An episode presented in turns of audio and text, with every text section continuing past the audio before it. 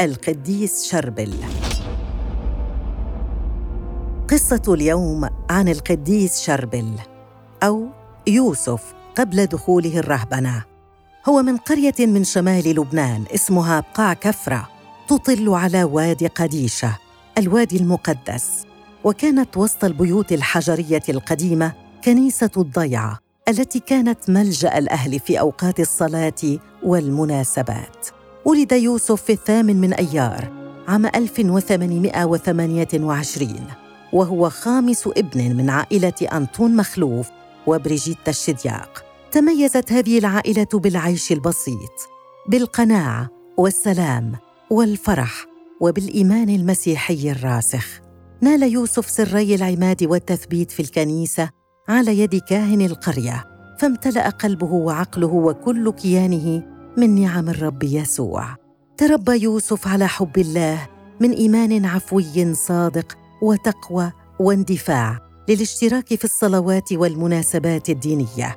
فكان يخدم الكاهن على المذبح ويرتل باللغة السريانية وحتى الكرشونية. كل يوم في الصباح كان يذهب يوسف إلى مدرسة السنديانه قرب الكنيسة حيث كان الأطفال يتعلمون اللغة العربية وقواعد الحساب والصلاة كما وكانوا يقومون بأعمال الحقول ويرعون المواشي. وكان يوسف كما غيره يرعى بقرات البيت مصدر الرزق وكان يتمتع بجمال الطبيعة التي صنعها الخالق لترتفع روحه لعند الرب حيث كان يشعر بالحضور الإلهي. في هذا الجو من السكون وجمال الطبيعة كان يشكر يوسف الرب ويمجد خالق الكون والجمال. كان حب السيدة العذراء في قلب يوسف كبيرا. كان يكرمها في صلواته.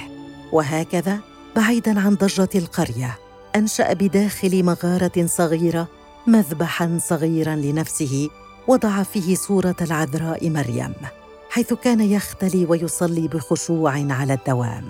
في هذا الجو من التقوى والبساطة لم يكن من الغريب على يوسف بأن يطمح في عيش حياة مسيحية كاملة. لبى يوسف نداء الرب ودخل الرهبانية اللبنانية المارونية في دير سيدة ميفوق سنة 1851 وانتقل من هذا الدير إلى آخر وهو دير مارمرون في عناية. في حياة الابتداء يختبر الشاب ويختبر. فهذه الحياة كانت حياة عمل وصلاة وتدريب على الحياة الرهبانية.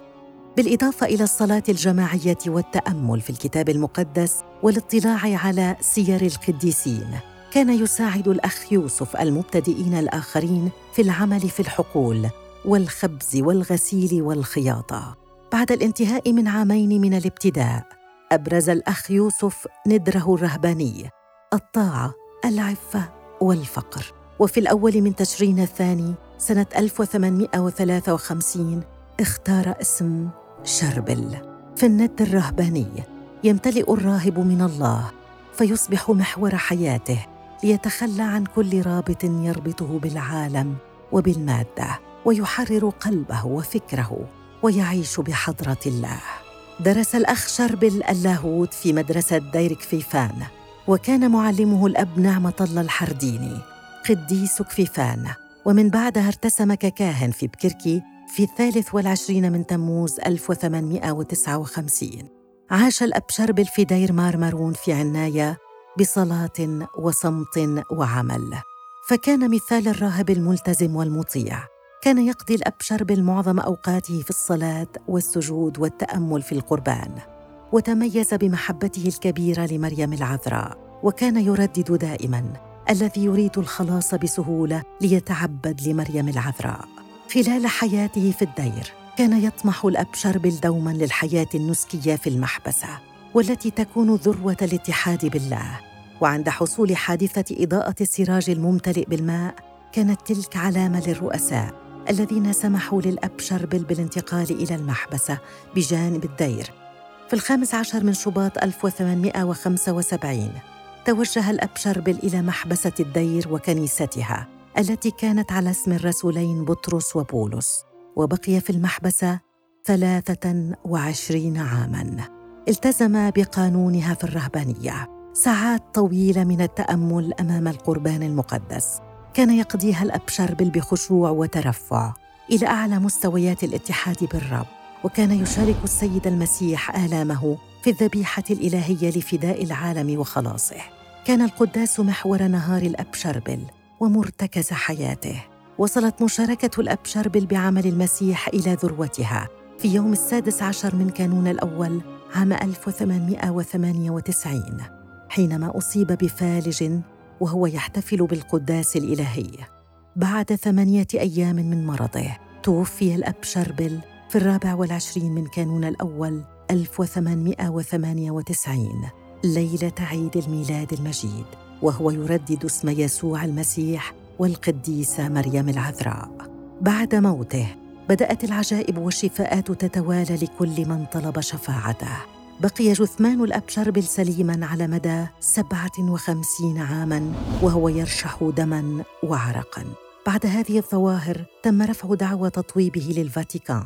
وفي الخامس من كانون الأول 1965 أعلن البابا بولس السادس الأبشر بالطوباويا بعد هذا التطويب ازدادت عجائب الأبشربل وكان المرضى الذين يشفون مختلفين. من بينهم فاقدو النظر والسمع ومقعدين ومصابون بالسرطان وغيرهم كثر. وهذا كله أدى إلى إعلانه قديساً في التاسع من تشرين الأول من عام 1977 سعى الأب شربل للقداسة طوال حياته من الدير إلى المحبسة وجسد بأعماله اليومية فضائل المسيح يسوع معلمه ومخلصه حتى أصبح مثله.